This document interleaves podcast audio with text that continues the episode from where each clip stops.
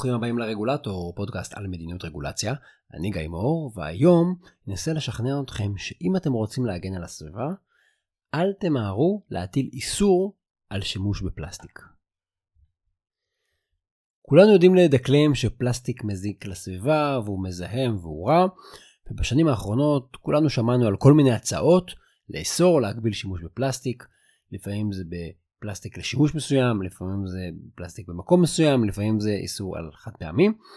ואנחנו רואים דיונים כאלה שמתנהלים, באים, הולכים בכל העולם המערבי. זה מאוד מאוד טרנדי ברמת השיח להתנגד לפלסטיק ולהציע לאסור אותו. נתקלתי בדוח שפורסם לפני כשנתיים שמסביר איך הצעות לרגולציה על פלסטיק לא יפתרו את הבעיות הסביבתיות. מה שהדוח טוען זה שאיסור על שימוש בפלסטיק עלול לגרום לפגיעה בסביבה אם הוא ייקבע באופן לא חכם או לא מספיק מדויק. וזה בעיניי טוויסט מאוד מעניין, כי בדרך כלל יש את הדיון של זאת הרגולציה היא טובה אבל יש לה כסף ופשוט זה תמיד איזון, אבל לפעמים ברמת האיזון הפנימי של אותו אינטרס ציבורי, לראות האם רגולציה סביבתית עלולה לפגוע בסביבה, האם רגולציה בריאותית עלולה לפגוע בסביבה. אז אני רוצה להציג לכם שלוש דוגמאות מתוך הדוח שמעניינות בעיניי. לא צריך להסכים עם הכל, וכמובן שהכל תלוי בנתונים ובמה מחליטים לעשות, אבל זה עדיין דיון מעניין ושחשוב לעשות לפני שאנחנו מחליטים מראש ש... שצריך לאסור פלסטיק, ולפני שקופצים לפתרונות באופן כללי, לנתח את ההשפעות שלהם ולהחליט האם הם טובים או לא טובים. דוגמה ראשונה היא באיסור על קשי פלסטיק. כתבתי בעבר על יוזמות אה, לצמצם את השימוש בקשי פלסטיק באמצעים רגולטוריים, באמצעים שהם לא רגולטוריים כמו nudge. אמ, עכשיו צריך להגיד בגדול אם אוסרים על שימוש בקשי פלסטיק בדרך כלל השיח הוא אה, להשתמש בקשים מנייר. עכשיו כלכלנים יגידו לכם שהקשים מנייר הם יקרים בהרבה מקשי פלסטיק. ההבדל פה הוא לא זניח, קשי נייר יכולים להיות יקרים לפעמים פי 10. אבל זה לא מחיר הכלכלי.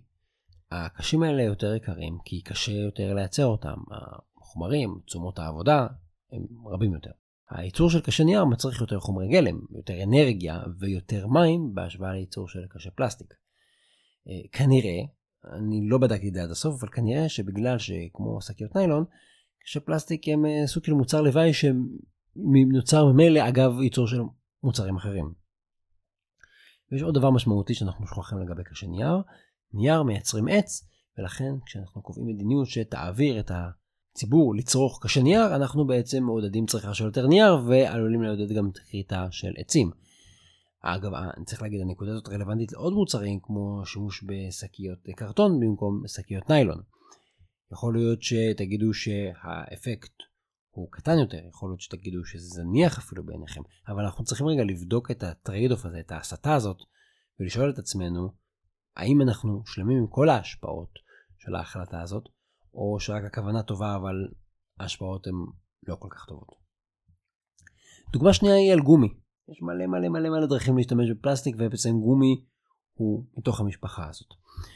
וכמו הרבה מאוד אה, סוגים של פלסטיק, גומי הוא חומר אה, נהדר, למרות שאנחנו קצת למדנו לא לאהוב פלסטיק. זה חומר קל, הוא גמיש, הוא חזק, הוא עמיד למים. חומר מדהים לעשות איתו מלא דברים. לכן אנחנו מייצרים מגומי אה, חלקים לרכבים, ומשקפות הצלילה, ובגדים, וכמובן כדורים קופצניים. עכשיו במקור, במקור, במקור, גומי יוצר מעצי גומי. אלה עצים שגדלים ביערות טרופיים, בעיקר בדרום מזרח אסיה ובאמזונס, ובשביל להפיק את, הגו, את חומר הגלם, לייצר גומי קלאסי, גומי טבעי, הייתם צריכים להגיע לשם, לאותו יער באמזונס למשל, אה, לחתוך חלק מהקליפה של העץ ולתקוע בו מעין אה, ברז כזה, ואז לחכות. ואז החומר גלם היה מטפטף לכם לאט לאט מה, מהעץ. עכשיו הפקה של גומי טבעי היא די מוגבלת, כי עץ ממוצע מפיק בערך חצי כוס גומי ביום. זה מעט גומי, וזה גם לאט.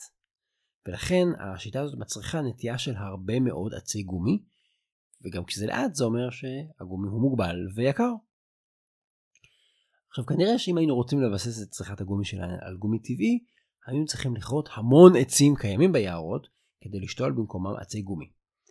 זה כמובן נורא ובזבוז ונזק נוראי וזה גם היה פוגע במגוון האקולוגי נכון כי אנחנו אה, קודם כל מחליפים עץ אחד באופן שיטתי בעץ אחר המון סוגים של עצים היינו כורתים בשביל עץ סוג אחד וכנראה שבתהליך הזה גם היינו משמידים הרבה מאוד זנים של צמחים אחרים ושל בעלי חיים שזה ממש ממש לא טוב. תוסיפו לזה את השינוע של הגומי מהיערות הטרופים הרחוקים עד לשאר העולם גם זה כרוך בחתימה סביבתית משמעותית. עכשיו למזלם של יתר העצים שהם לא עצי גומי, בשנות ה-30 מדענים פיתחו שיטות לייצר גומי סינתטי, שזה הגומי שכולכם מכירים ואוהבים. בשביל לייצר גומי סינתטי לא צריך עצי גומי, ואפשר לייצר ממנו את הגומי עצמו בהמון מקומות שאין בהם יער טרופי, וככה אנחנו גם חוסרים את השינוע. היום אנחנו משתמשים בגומי משני המקורות, הם מתחרים זה בזה ומגבים זה את זה, וזה מצוין. ואם תחשבו על זה רגע, אם אתם מאזינים לפודקאסט הזה, אז האוזניות שלכם, בין אם בתוך האוזן או מחוץ לאוזן, הרמקול שדרכו אתם שומעים, המחשב שלכם, הטלפון, העכבר והמקלדת, המסך, בכולם יש הרבה מאוד פלסטיק וגומי שמגיעים בין היתר ממקורות סינתטיים, ולא מעצים או מעצים שנטענו אחרי שכרתנו עצים אחרים. ודוגמה שלישית, חומרים סינתטיים. כי הסיפור של גומי הוא רק דוגמה אחת לשלל חומרים סינתטיים. ולמדנו שסינתטי זה רע. חומרים סינתטיים זה יכול להיות פוליאסטר וניילונים, ובאמת אפשר להגיד אולי שיש בהם זיהום או שהם אולי פחות איכותיים, עדיף משהו שהוא 100% כותנה או משהו כזה, אבל חומרים סינתטיים, למשל הפוליאסטר שהזכרתי, מהווים תחליף למשל אורות של מבעלי חיים. נכון אם אתם רוצים היום לקנות מעיל אור יפה כזה אתם יכולים לקנות מעיל אור אמיתי או מעיל שהוא אה, מאור סינתטי. האופציה קיימת בגלל שאנחנו משתמשים באותם חומרים סינתטיים. אז האפשרות שלכם לוותר על מעיל אור, על אה, נעלי אור ועוד מוצרים שמגיעים מהחי היא אפשרות שקיימת רק בגלל שיש לנו חומרים סינתטיים שקצת כמו אור הם גם קלים, הם חזקים והם עמידים למים ולחום ולקור. אלה חומרים מדהימים. גם פה אנחנו רואים שהשימוש בחומרים סינתטיים יכול להסיט צריכה מצריכה של חומרים מהטבע ובעצם לשמור עליו, בין אם זה לשמור על הטבע ובין אם זה לשמור על בעלי חיים. עכשיו אני רוצה להגיד זה לא אומר שלשימוש בחומרים האלה בין בייצור ובין בצריכה ובין אחר כך אחרי שימוש בשלב הפסולת זה לא אומר שאין להם השפעות שליליות. בווד... בוודאות יהיה להם השפעות שליליות. לכל דבר יש השפעות שליליות וחיוביות ביחד, ככה זה החיים. אלא שיש להם גם תועלות סביבתיות ואנחנו צריכים לשק... לשקלל את הכל, גם את הטוב וגם את הרע, גם את השלילי וגם את החיובי. אנחנו התרגלנו לשיח שאומר שעדיף להשתמש בחומרים שנמצאים בטבע ולא בחומרים סינתטיים. חומר סינתטי זאת אומרת חומר שהאדם יצר. אבל אני חושב שהשאלה מאיפה זה בא היא לא השאלה החשובה, או לפחות לא השאלה החשובה היחידה. שאלה יותר חשובה על כל דבר לשאול אוקיי מאיפה זה בא? או איך מייצרים את זה? ואז צריך לשאול ומה ההשפעה של זה? מה ההשפעה הסביבתית? מה ההשפעה הכלכלית? מה ההשפעה החברתית. זאת אומרת לא להסתפק בכותרת. אז מה אם זה הגיע ממעבדה ולא הגיע מאיזשהו מכרה באפריקה או מיער טבע באמזונס? מה, מה, מה המשמעות של זה אבל מעבר לאמירה הכללית פה, יש שאלה רגע טובה שאנחנו צריכים לשאול את עצמנו, וזה האם יש חלופה אמיתית? כי פלסטיק הוא חומר חזק, הוא קל, הוא לא מחליד, הוא עמיד למים, הוא די זול. אפילו אפשר להגיד במקרים רבים הוא ממש ממש זול. וזה אומר שאת כל היתרונות האלה אנחנו מקבלים, כולנו, לא רק העשירים. אז מנקודת המבט החברתית, יש ערך בחומרי גלם טובים וזולים. והרי כולנו יודעים, גם כצרכנים, אבל גם מי שיש לו עסק, שפלסטיק הוא חומר ממש טוב. ולכן זה נשמע לי קצת מוזר כשאנחנו מנסים לפעמים להציג את הפלסטיק כאויב, או כמשהו רע, או כחומר רע. בהחלט יש לו חסרונות ויש לו השפעות שליליות ואף אחד אני חושב לא, לא מכחיש את זה אבל יש הרבה סיבות אחר שאנחנו משתמשים בפלסטיק כל כך הרבה תלכו למטבח של מסעדה ותראו כמה משתמשים בפלסטיק תחשבו על הציוד שלכם בבית, בכמה אתם משתמשים בחומרים סינתטיים. יש לזה סיבה, זה עובד טוב וזה מועיל, זה משפר את איכות החיים שלנו. וכמו שסיפרתי רק לפני רגע, הפלסטיק לא מועיל רק לצרכן הקצה, יש לפלסטיק לפעמים גם השפעות סביבתיות חיוביות. ולכן גם אם נחליט לצמצם דרסטית את השימוש בפלסטיק, אנחנו קודם כל צריכים לוודא שיש חלופות. תראו, דמיינו שמחר בבוקר אנחנו מפסיקים להשתמש בפלסטיק. בכלל. מה נבנה מכוניות? תחשבו על הידית ההילוכים שלכם, ההגה, הדשבורד, הבדים הם כנראה סינתטיים, חגורת הבטיחות. ממה נבנה טלוויזיות? אם תחשבו על זה לרגע, או תסתכלו רגע סביבכם על החדר, או מכונית, או איפה שאתם לא נמצאים, שימו לב, אני מהמר שרוב החפצים שמשמשים אתכם או נמצאים סביבכם עשויים מפלסטיק. אולי לא 100% מפלסטיק, אבל מכילים פלסטיק. חלק ניכר מהם יהיה מאוד מאוד קשה להחליף מחומרים אחרים. למשל אם בטלוויזיה אסור להשתמש בפלסטיק, אז מעכשיו יהיו לנו טלוויזיות מעץ? או רעות, אם נרצה לעבור מפלסטיק וחומרים סינתטיים לעץ, נצטרך לכרות הרבה יותר עצים כדי לייצר מהם רהיטים, ורהיטים אולי יהיו יותר כבדים, אולי יהיו יותר יקרים. זה לא כל כך פשוט, וזאת הנקודה שלי, שזה לא כל כך פשוט. זאת החלטה מורכבת, עם השפעות ומשמעויות, ואנחנו צריכים להבין אותם לפני שאנחנו מקבלים את ההחלטה. ולכן האמירה שלי, כאשר אני מסתכל על כל מיני יוזמות בעולם מצד אחד, ומצד שני הדוח הזה שבאמת מביא רעיונות סביבתיים וקייס סביבתי לטובת הפלסטיק, זה פשוט שלא נהיה נעולים. באופן כללי עדיף לא לקבל את ההחלטה מראש, אלא קודם כל לברר, לאסוף נתונים, לעשות ניתוח, ואז לקבל החלטה. ולכן הפרק הזה הוא לא באמת פרק על פלסטיק. הפרק הזה לא נועד להגן על השימוש בפלסטיק. הפלסטיק לא כזה מעניין אותי, אין לי מניות בחברות פלסטיק, זה לא העניין. מאחורי השאלה האם לאסור על השימוש בפלסטיק יש משהו הרבה יותר רחב. איך אנחנו מקבלים החלטות ואיך אנחנו מקבשים עמדות. אחד ההרגלים שגורמים לנו לקבל החלטות גרועות הוא קיבעון. מישהו מחליט לנו מראש מה הנתונים. מישהו החליט לנו מראש מה הבעיה, החליט לנו מה הפתרון.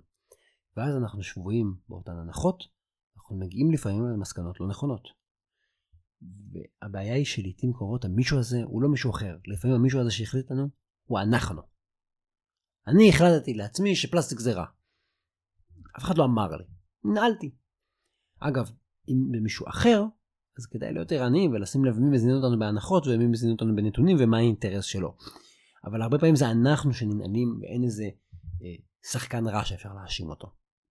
אנחנו ננעלים על עיקרון, אנחנו ננעלים על הנחת מוצא, אנחנו ננעלים על תוצאה. ולפעמים אנחנו ממש ננעלים על מסקנה שהיא לא מבוססת בכלל. למשל, הקפיצה למסקנה שצריך לאסור על פלסטיק. מה בדיוק הבעיה? מה זה אומר לאסור על פלסטיק? איך נאסור על פלסטיק? במה נשתמש במקום פלסטיק? זאת אומרת, כל האנשים שמציעים לאסור על פלסטיק, אני מציע שהם ינסו רגע להימנע מפלסטיק היום. האם יש להם אלטרנטיבה? עכשיו, ברור שזה שבן אדם אחד יפסיק לא ייצרו בשבילו עכשיו טלפון סלולרי מפלסטיק, אבל האם אפשר לייצר טלפון סלולרי מפלסטיק? האם אפשר לייצר את כל המוצרים האחרים לא מפלסטיק? אם לא, אז בואו נחשוב רגע מה אנחנו עושים לפני שאנחנו אוסרים על עצמנו משהו. יכול להיות שאיסור על שימוש בפלסטיק הוא יהיה החלטה מצוינת, ויכול להיות החלטה מזיקה. אבל כדי לדעת, אפילו בקירוב, אנחנו צריכים שנייה לעצור ולחשוב. לעצור ולחשוב, לא לרוץ. אז לפני שמקבלים כזו החלטה, ובכלל כל החלטה משמעותית אחרת, אנחנו צריכים לנסות להבין מה יקרה כתוצאה מההחלטה שלנו. להריץ רגע את הגלגל קדימה ולראות מה יקרה בסוף הסרט. אם נאסור נגביל שימוש בפלסטיק, מה יקרה? ממה נייצר מוצרים? איך נשיג את חומרי הגלם החליפיים? כמה זמן זה ייקח לנו? כמה זה יעלה? האם אולי זה יפגע יותר בעניים? שאלות חשובות. אולי אתם חושבים עכשיו, גיא, מה אתה רוצה ממני? זה לא המקצוע שלי. ואני, כאדם פרטי, אני לא הולך עכשיו לעשות דוקטורט על אה, השימוש בפלסטיק והאלטרנטיבות שלו. אין לי גם את ההשכלה, אין לי את הזמן, מה אתה רוצה ממני? וזה נכון, וזה בסדר. כי כאנשים פרטיים אנחנו לא יכולים ולא צריכים לעשות דוקטורט על כל פרט ופרט. אבל בואו רק נסכים שאם אנחנו לא חוקרים משהו או לא מסתמכים על איזשהו מחקר וניתוח מסודר, אנחנו צריכים להיות כנים עם עצמנו ולזכור שיכול להיות שההנחות שלנו לא נכונות. תראו, אני לא בא ואומר שצריך לאסור שימוש בפלסטיק או שלא צריך. אני לא יודע מספיק. אז אני לא מאוד נחרץ בנקודה הזאת. אם לא טרחנו לבדוק כמה פלסטיק מזיק ומה האלטרנטיבות ומה המשמעות, בואו נשמור על ראש פתוח גם לאפשרויות אחרות. רק לשמור על ראש פתוח. והערה קונקרטית לגבי הדיון על המדינות בנושא פלסטיק. תראו, הפלסטיק שלעצמו הוא לא מזהם מעצם קיומו. הרי יש לכם מוצרי פלסטיק בבית, הם לא מסכנים אתכם. יש פעולות מסוימות שגורמות לזיהום. למשל, שריפה של פלסטיק, גריסה ופיזור של הפלסטיק באוקיינוסים, ואז באמת זיהום של פלסטיק הוא דבר רע ומזיק. אז יכול להיות שהסיפור הוא לא כן לאסור לא לאסור, אלא הוא צריך להיות דיון הרבה יותר ממוקד. במקום לדבר על פלסטיק זה רע, כדאי לנו לחדד את הטענות ולדבר על פעולות ספציפיות, או שימושים ספציפיים, שגורמים לנזק, כמו זיהום למשל. אבל כדי להגיע לשיחה הזאת שאני מציע עכשיו, ושוב, אני לא איזה מומחה לפלסטיק, ובטוח שיש דברים שאני מפספס פה, אבל עדיין כדי להגיע לשיחה ברמה הזאת אנחנו צריכים לעסוק במורכבות של הסוגיה, ולהבין שיש גם דברים טובים וגם דברים רעים, ולמקד איפה באמת שורש הבעיה. בשביל זה אנחנו חייבים להגיע פתוחים ולא נעולים. עד כאן תודה רבה שהאזנתם לפרק הזה של הרגולטור, אני גיא מור. אתם מוזמנים לעקוב אחרי הפודקאסט באפליקציית הפודקאסטים השונות ואשמח מאוד אם תוכלו לדרג בחמש ולהמליץ לחבר או לחברה אולי חבר וחברה שאוהבים פלסטיק אולי חבר חברה שממש ממש לא אוהבים ומתנגדים לפלסטיק. חוץ מזה אתם מוזמנים לעקוב אחרי התכנים שאני מפרסם ברשתות חברתיות כמו פייסבוק, טוויטר, לינקדאין וטלגרם וכמובן באתר האינטרנט רגולטור.אונליין. שוב תודה לכם, התכנים משקפים את דעותיי בלבד.